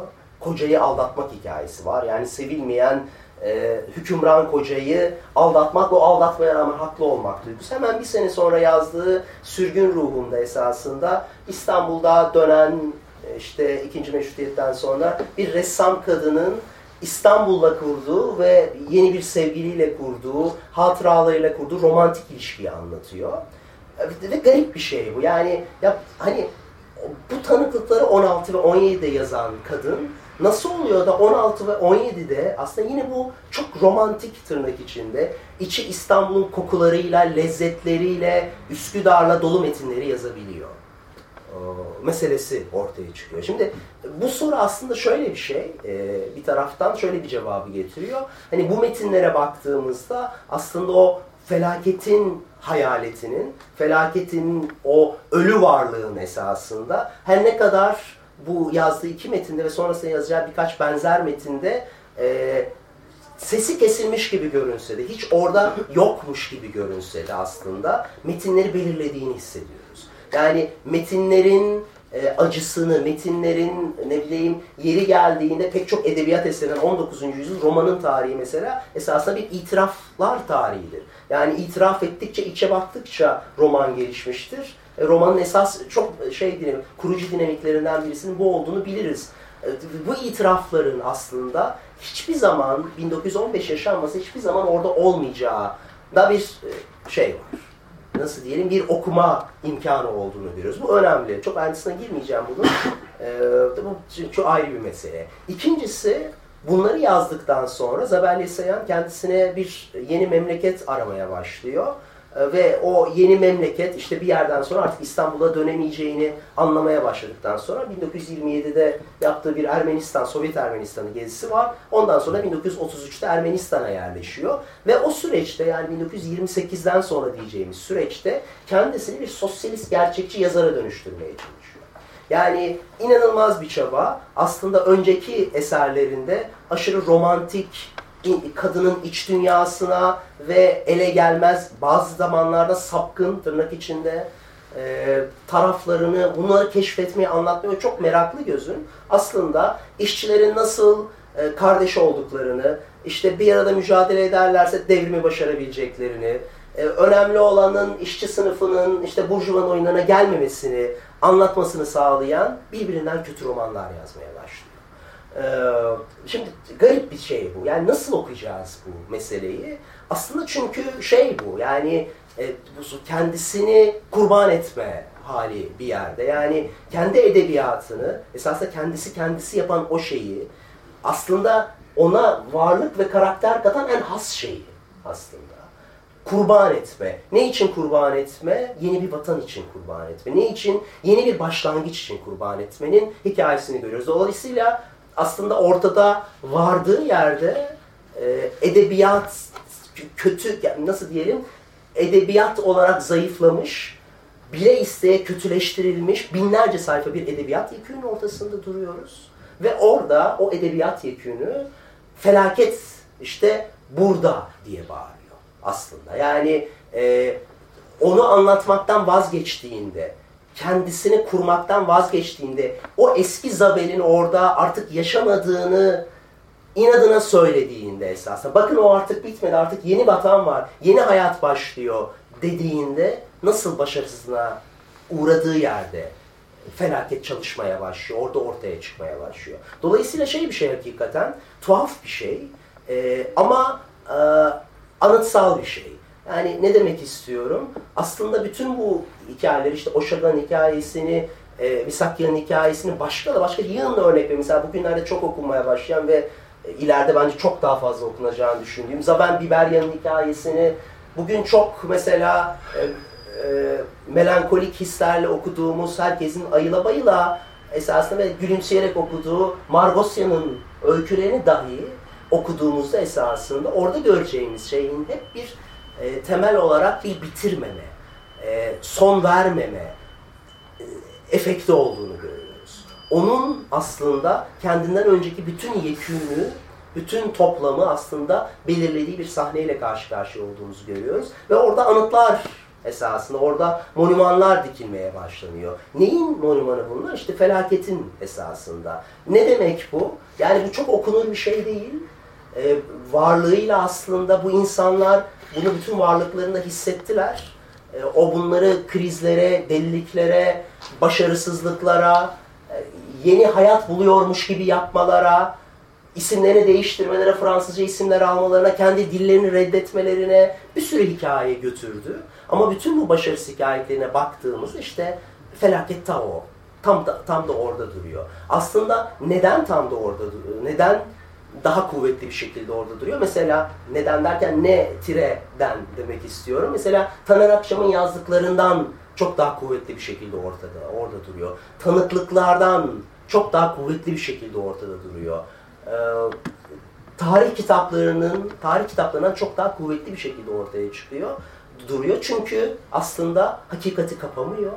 Size bir devinim alanı açıyor ve size bana yaklaş. Bana yaklaş. Hiçbir zaman beni tam olarak anlayamayacaksın. Hiçbir zaman seninle tam olarak uzlaşamayacağız. Hiçbir zaman burada olan bu felaketin beni nasıl kavurduğunu, nasıl eksik bıraktığını belki ben sana tam olarak anlatamayacağım. Ama bana yaklaştığın ölçüde de işte orada bir hakikaten en azından bir tür iletişim imkanı, bir tür temas etme imkanı oluşacak diyor bana kalırsa. E bunu birazcık daha yukarı söylersek esasında baktığımızda ilk söylediğim kısımda hukuk var orada. Yani ya ey adalet ben buradayım e, işte ey adalet ben buradayım sen de Oğuz Atay oldu da şey sen neredesin yani duyacak mısın beni diyen ve esasında adalete ve hukuka inanan bir göz ama esasında biliyoruz ki bugünkü şeylerden işte bütün bu meclisler, soykırımlar hikayesinden falan güçlünün dediği oluyor aslında. Kimsenin hakikaten gerçekten bir bütün bu hikayeye bakarak bir adalet aradığı falan yok. Politikayla hukuk iç içe geçmiş saf bir hukuk yok falan. Ee, ama bu tarafta etik var gerçekten de. Sizi belki de bütün bu hikaye doğru iterken, yönlendirirken, bütün bu trajik çabaya doğru götürürken onunla gerçekten çok daha kesif, çok daha yoğun, çok daha derinden hissedeceği, hissedebildiğiniz bir karşılaşmaya davet ediyor. Ee, belki vaatleri diğeri kadar büyük değil ama bana kalırsa kişisel macerada en azından e, çok daha kuvvetle belirleyici ve etkileyici diye düşünüyorum. Bilmiyorum anlatabildim mi? Ee, bitirelim istiyorsanız ve bir soru cevap belki e, olur. Soru sormak istersiniz. E, bize yardımcı olmaya çalışırız. E, ama şu nüansı da e, bir söyleyeyim. İki şey söylemek istiyorum. Niye soykırım değil de felaket? E, aslında soykırım e, tabi daha sonradan e, yerleşmiş bir tabir. Hani de daha çok hani bu ahet Ermenice'de kullandığımız felaket kelimesi, ahet kelimesinin e, şeyi e, sahibi de aslında e, Hago Boşagan. Hago Boşagan hep ahet olarak niteliyor, bir felaket olarak niteliyor. E, her şeyden, herkesten bağımsız olarak bir felaketin oluşması e, halkın başına gele, gelebilecek en e, belirleyici, e, tarihin akışını değiş, değiş, değiştiren bir olay. Hani soykırım dediğimizde Maklışayan da diyor hani daha tarihçilerin, hukukçuların, siyasetçilerin belki alanına girdiği için e, felaket demek hani e, daha e, tercih edilen bir tabir. E, ikinci bir şey de demek istiyorum. Felaketin yazarları derken biz bugün sadece e, Ermeni yazarlarına değindik. E, aslında bunda sınırlı değil olduğunu düşünmüyorum. Biz e, Türkiye edebiyatına baktığımızda da Türkçe yazan yazarlara, Türk yazarlara da baktığımızda çok da hani 1915'in hemen sonrasında da aslında felaketin yazarlarını bula, bulabiliriz diye düşünüyorum. Mehmet Fatih çok daha iyi biliyor tabi. E, hani e, Halit Ziya'nın e, 1915'ten sonra bir daha roman yazamaması değil mi? Öyle hani benim Halit Ziya'nı araştıran arkadaşlarımız var e, biliyor. Hani bunu ona yoranlar bilmiyorum. Ya da işte Yaşar Kemal'in e, eserlerinden. Evet. Hakikaten vaka doğru ama Evet vaka doğru ama evet Halit Ziya'da çalışan arkadaşlarımla tartışıyorduk ve hani 1915'e ilintili Evet. Yani evet. Hani ilintili olduğunu söyleyen görüşleri vardı. Hürriyetlerini ee, Görürüz. Evet ya da öyle. Hani onu da belki başka bir söyleşide daha yetkin isimler ben değil e, konuşabilir. E, senin söylemek istediğin sonuç yoksa belki soru sormak istersiniz. Bize cevaplamaya gayret ederiz. Çok sağ olun. Ben bir şey sorabilir miyim? Tabii. Ee, aslında Mehmet Bey soruyu birkaç kere sorduk konuşma sırasında da ben naçizane sizin hangi tarafta yer aldığınızı merak ediyorum o sorduğunuz soruda. İşte meşhur o Adorno'nun Auschwitz'ten sonra şiir yazmak barbarlıktır tarzı bir şey var ya. Hani bu e, felaketlerin ardından yapılan edebiyat, o felaketi bir tür estetize etmek olmuyor mu? Siz ne düşünüyorsunuz bu konuda? Şey, Bu e, soruyu siz sordunuz ama hani ben Tabii, sizin e, yorumunuzu merak Yani birazcık e, hani benim konuşmam özellikle dağınık gitti. E, birazcık da ilaçların etkisiyle kafamı toparlayamamdan e, kusura bakmayın. E, sorduğun, sorduğun soru çok haklı bir soru elbette. E, ve aslında kaçış meselesi birazcık bununla da alakalı. Yani işte örneğin e, işte hani e, 1937 Dersim olaylarının e, şeyini yazmaya, romanını yazmaya kalktınız. Ee, ve e, oradaki acıyı, insanların e, işte korkularını, dehşetlerini vesaireyi anlatmaya çalışacaksınız. Her an bunu estetize etmek, her an bunu romantikleştirmek, e, her an bunu hakikatinden koparmak, belki ilk ikisi zaten buna da hizmet ediyor olabilir. E, şey ile dolusunuz, tehlikesi karşısındasınız. Şimdi birinci, birinci pozisyondaki yazar bunu dert eden bir yazar. Yani aslında bunu yaparsa, bu, bu, bu tehlike olduğunu hisseden bir yazar. Ama bir de öyle bir yazar ya da sinemacı, anlatıcı tipi var ki aslında bunu ne kadar çok estetize etse, oradaki acıyı ne kadar yoğun gösterse, insanların çığlıklarını ne kadar yüksek çıkartsa o kadar o insanların acısını seslendirebildiğini düşünen, iyi taraftan bakarsak, daha olumsuz gözle bakarsak belki bunu istismar eden bir yazar tipolojisi var. Şimdi aslında e, bu bahsettiğimiz yazarların pek çoğunda bu ikinci pozisyonda olmanın korkusu var. Şimdi birazcık bu felaket meselesi de buradan kaynaklanıyor aslında. Felaket e, geldiği yerde, çok kabaca söylemek gerekirse, e, dili öldüren bir şey. Dilin söyleme imkanlarını kapatan bir şey. Yani öyle bir şey ki o ifade edilemez bir şey. Öyle bir şey ki söze gelmez bir şey o. Öyle bir şey ki tasvir edilemez bir şey o. Mesela işte e, Yeseyan 1909 Adana katliamını anlattı. İşte yıkıntılar arasında da sürekli bu sözcüklerin bir onlarca kullanıyor. Yani dile gelmezdi, anlatılamazdı, tasvir edilemezdi. Sürekli bunları kullanıyor karşısında. Şimdi tasvir do- dolayısıyla esasında tasvir edilemezi tasvir etmeyi denemek e, bu felaketin sahip olduğu haleye, o kutsallık da onun o kutsiyetine, onun içinde yaşayan o şehit olmuş yani bir de özellikle mesela dinsel perspektiften bakar. Çünkü pek çok şeyde tanıkta falan şehit ifadesiyle yani martir ifadesiyle karşılaşır, karşılaşırsınız. Çok yani onlar e, şeydir, şehitlerdir. Bizim şehitlerimizdir. Bugün de çok kullanılan bir ifade değil mi? Şeydir. Yani e, onların anısına saygı, saygısızlık olur mu acaba fikri var. Ama bir tarafta da dediğiniz gibi işte belki o ilk söylediğim deminki karşılaştırmada yani ya bizim sesimizi insanlar duysun. Önemli olan dünyanın birçok yerindeki insanın Ermenilerin başına bu kadar felaketin geldiğini görmesi. Dolayısıyla işte kardeşim anlat yani ne olduysa diyen bir tavır var. Ee, bu şey bir tartışma. Ee, nasıl diyelim? Ee, zor ve önemli bir tartışma. Ben bu birinci damarın yani hadi anlat damarının tehlikelerinin çok yoğun olduğu kanaatindeyim.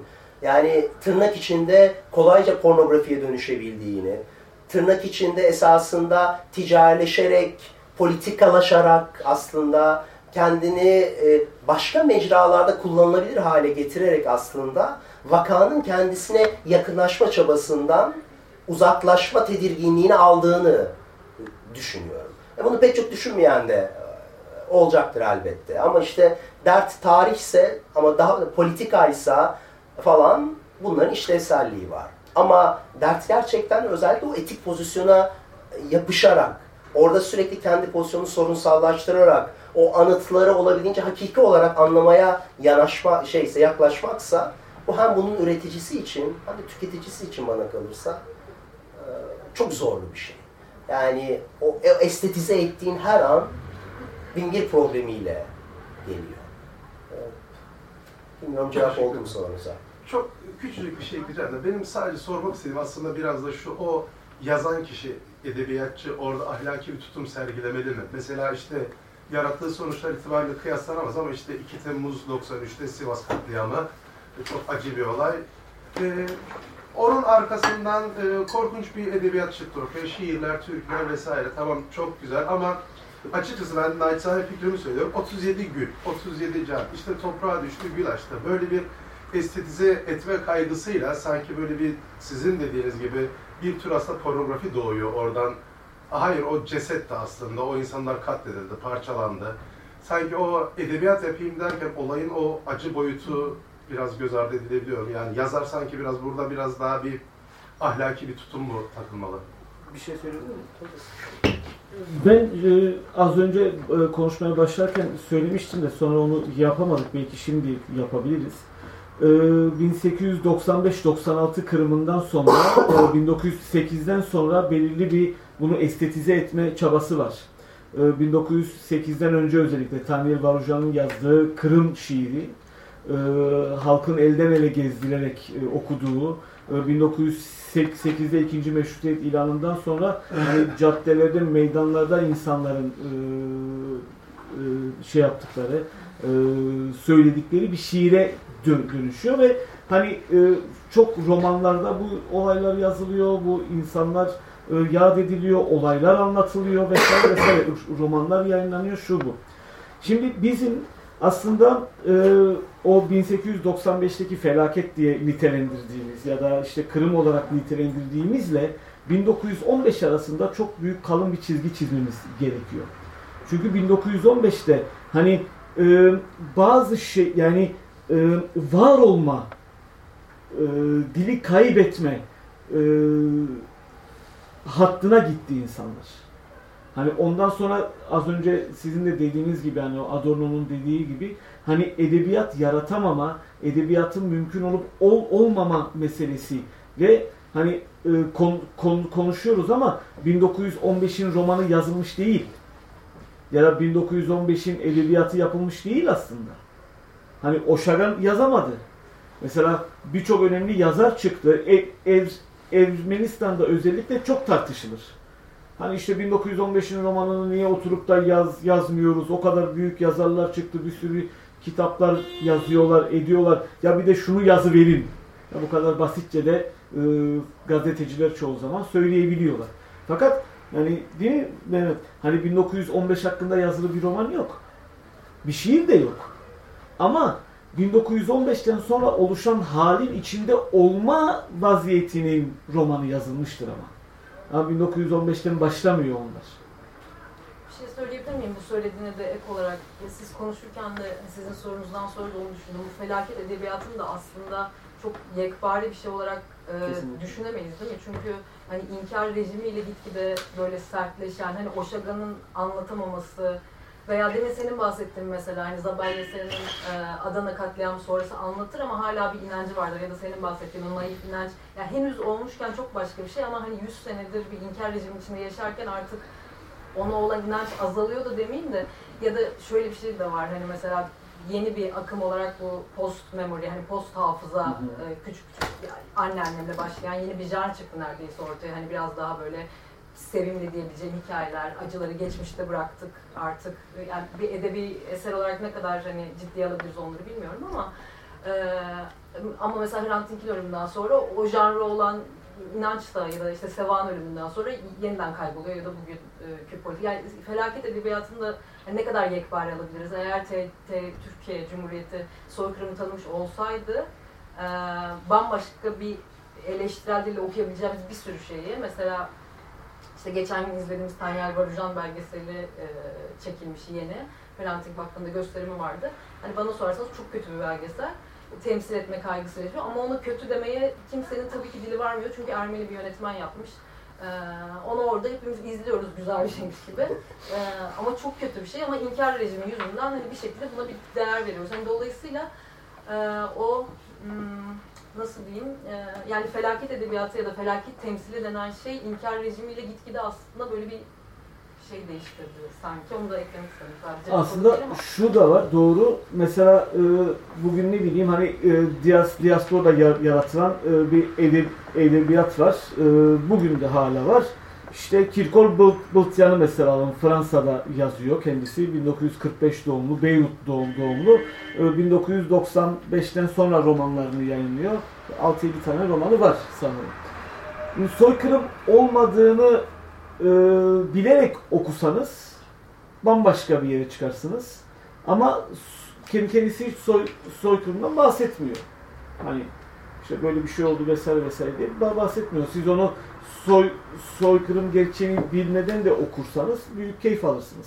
Ama siz 1915'ten sonra yani bugüne kadar Kirkol Batıyan'ın ismini o yüzden verdim. Hiçbir romanı soykırım olmamış gibi okuyamazsınız. Mesela biz niye Zaven Biberian altını çiziyoruz? Çünkü hem İstanbul'da yaratmış bir yazar, inkarın içinde yaratmış bir yazar ve siz Zaven Biberian'ı okurken 1915'i e, es geçerek okuduğunuz zaman romanı e, temelinden e, şey yapmış olursunuz hani. E, okuyamazsınız. E, anlamı kalmaz. Daha 1915 şey e, hesaba katıp okuduğunuzda da çok başka yerlere götürür sizi. Bu belki Türk Türk edebiyatındaki bazı eserler için de geçerli ola, olabilir. Öyle düşünüyorum. Ya bir de şey yani aslında bir e, böyle homojen olmadığı kadar e, bir, hani tam tersine darmadağınık bir alan var karşıda. Yani sadece Türkiye'de değil, diasporada da böyle. Yani Amerika'sında da, Fransa'sında da, e, ilk dönem Ermenistan'daki edebiyatçılarda da yani böyle şey var. E, nasıl diyelim adacıklar var aslında. Tek tek yazarlar var. Kimsenin okumadığı, e, üç kişiye, beş kişiye sadece kendini okutabilmiş büyük yazarlar var. Ve aslında şeyler bu bağlamda. Hani bir geleneğin parçası değiller bir akışın bu bağlamda parçası değiller. Yani Krikobulya'nın e, meşhur yine bugün çok referans verdi kendisine e, bir konuşması var yani Ermeni, Batı Ermeni roman geleneği diye. Konuşmaya şey diye başlıyor. Böyle bir Ermeni gelenek var mı? Yok, yok diye başlıyor yok, yani. Yok. Konuşmanın ilk şeyi bu. Yani dolayısıyla bir, bir dağınık bir, e, bir şey böyle yani bir oraya buraya serpilmiş insanlar ve onların esasında cemaatle, geçmişle, kendi işte yaşadıkları yabancı dille, öteki insanlarla ilişkilerinden oluşmuş çeşitli maceralar var. Bu maceraların hiçbir birbirine benzemiyor aslında. Yani Zaven Biberyan'la Mıgırdiç Margosyan mesela değil mi? Türkiye'de kalan Ermenilerin en önemli iki yazarı belki de. E, bambaşka iki yazar aslında. Hiçbirbiriyle alakası olmayan iki yazardan bahsediyoruz. E, Fransa'da olan büyük yazarlar işte Vorpuni, Şahnur, Sarafyan mesela. Üçü birbirine hiç benzemeyen yazarlar. Üste mesela e, biliyoruz ki şey e, çok büyük yazar Vorpuni. Bugün yeniden keşfedildi. İngilizce'de çevrildi bir roman mesela yakın zamanda. E, Oşagan'ı bile okumamış. Yani yani o kadar şey e, ya işte okumadım falan şeyindeki. Dolayısıyla aslında şey bir dünyadan bahsediyoruz hani bu ortamın içinde farklı kanallardan nefes almakta devam eden, kendine bambaşka hayatlar kurmuş ve birbirleriyle bağları zayıf aslında bir bütün hikayenin parçası olmayan insanlardan bahsediyoruz aslında zaten. Ee, ama bunları birbirine böyle gevşek ipliklerle de bağlayan bir işte felaket orası, halesi orada hakikaten de duruyor. Dediği çok doğru Seva'nın. Yani onu, o orayı biz örmeye başladığımız zaman okur olarak birbirine nasıl bağlandıklarını, nasıl akraba olduklarını esasında, nasıl benzer başarısızlıklarla, benzer dilsizliklerle karşı karşıya kaldığını görme fırsatımız oluyor. Şey. Bir de tabii şey şurada hani şunu ayırt etmek de önemli. Bir tarafta da kurumsal yapılar var. Örneğin mesela işte Hollywood'da yapılan senelerdir olan soykırım filmi çekmek meselesi gibi hikayeler ve de işte işte Ermenistan devlet kurumları neden bizde roman şeyin romanı yazılmıyor? Bizde de çok falan işte bir ara çoktu mesela neden Gezi'nin romanı yok falan. İlk Gezi'nin romanı kim yazacak falan. Ya bu başka bir tartışma artık aslında. Yani e, böyle orayla çok ilişki kurmak istemem açıkçası ama e, o, onu hakikaten başka bir düzeyde değerlendirme. O da önemli bir tartışma elbette. Böyle.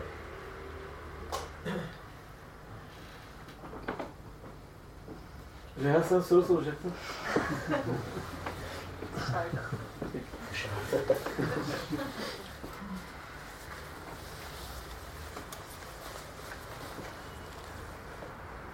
Soru yoksa çok teşekkür ederim. Evet. Güzel, çok güzel. Sağ olun. Çok sağ olun.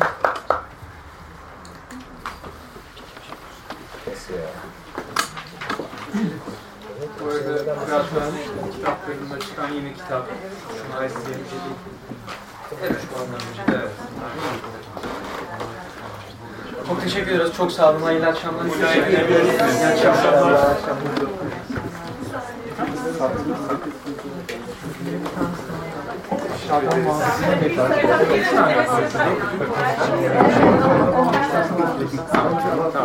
Birer kaç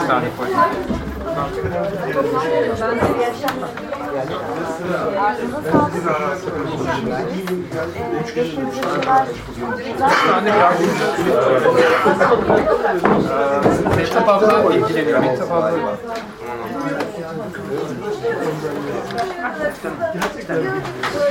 Yalnız 500 gram.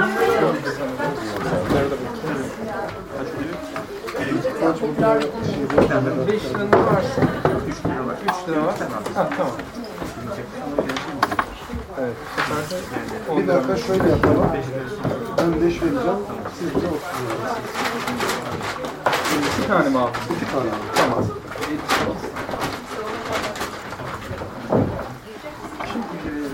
Mehtap Hanım. Şey bir daha şimdi e-mail yazsana. Klip 3 tane bırak. Teşekkür ederiz. Şey, İyi akşamlar. Ben size yapamadım. Tamam. Tamam. Ha şeyi bıraktı. Odası. Sabah. E, saat 2'de. Tamam. Tamam. Ya bayağı iyi. Ben hazırlanmadan sonra ikindi nasıl anladım? Yani çok bayağı iyi. Tamam ben o zaman yukarı çıkıp Sen onu bakayım yap. ben. Ben ben çıkayım o zaman. Tamam yok, yok, ben çıkıyorum. Hadi tamam tamam. Hadi. Hallettim yalnız.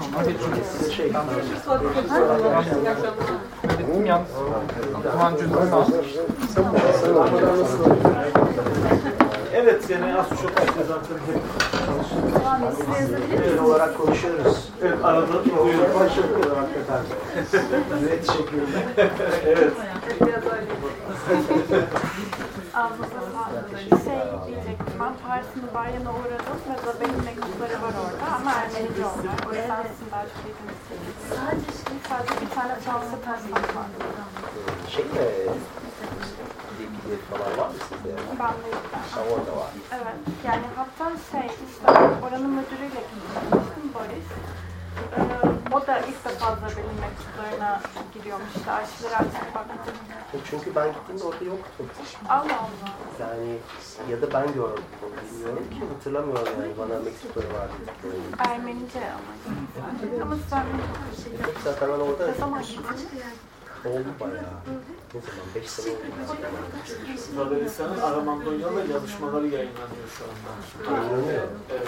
Aa, Yok hani devrimde Nerede? birkaç ay Fatih'te. Beyrut'ta.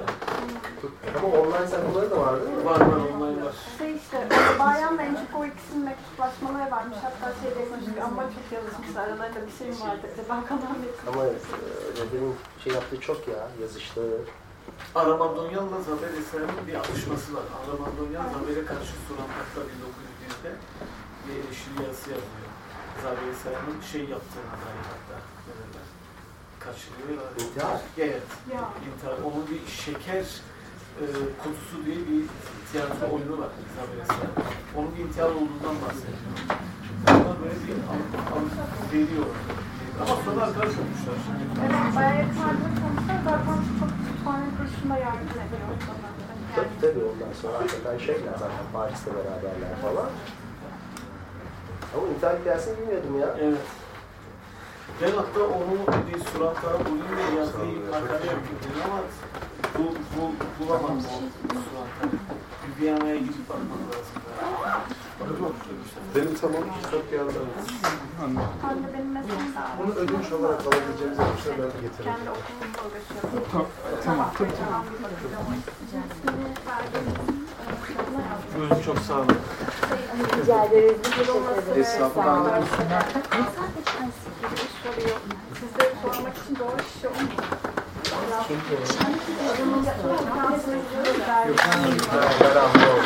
Ee, yani iletişim kurarsa en iyisi şey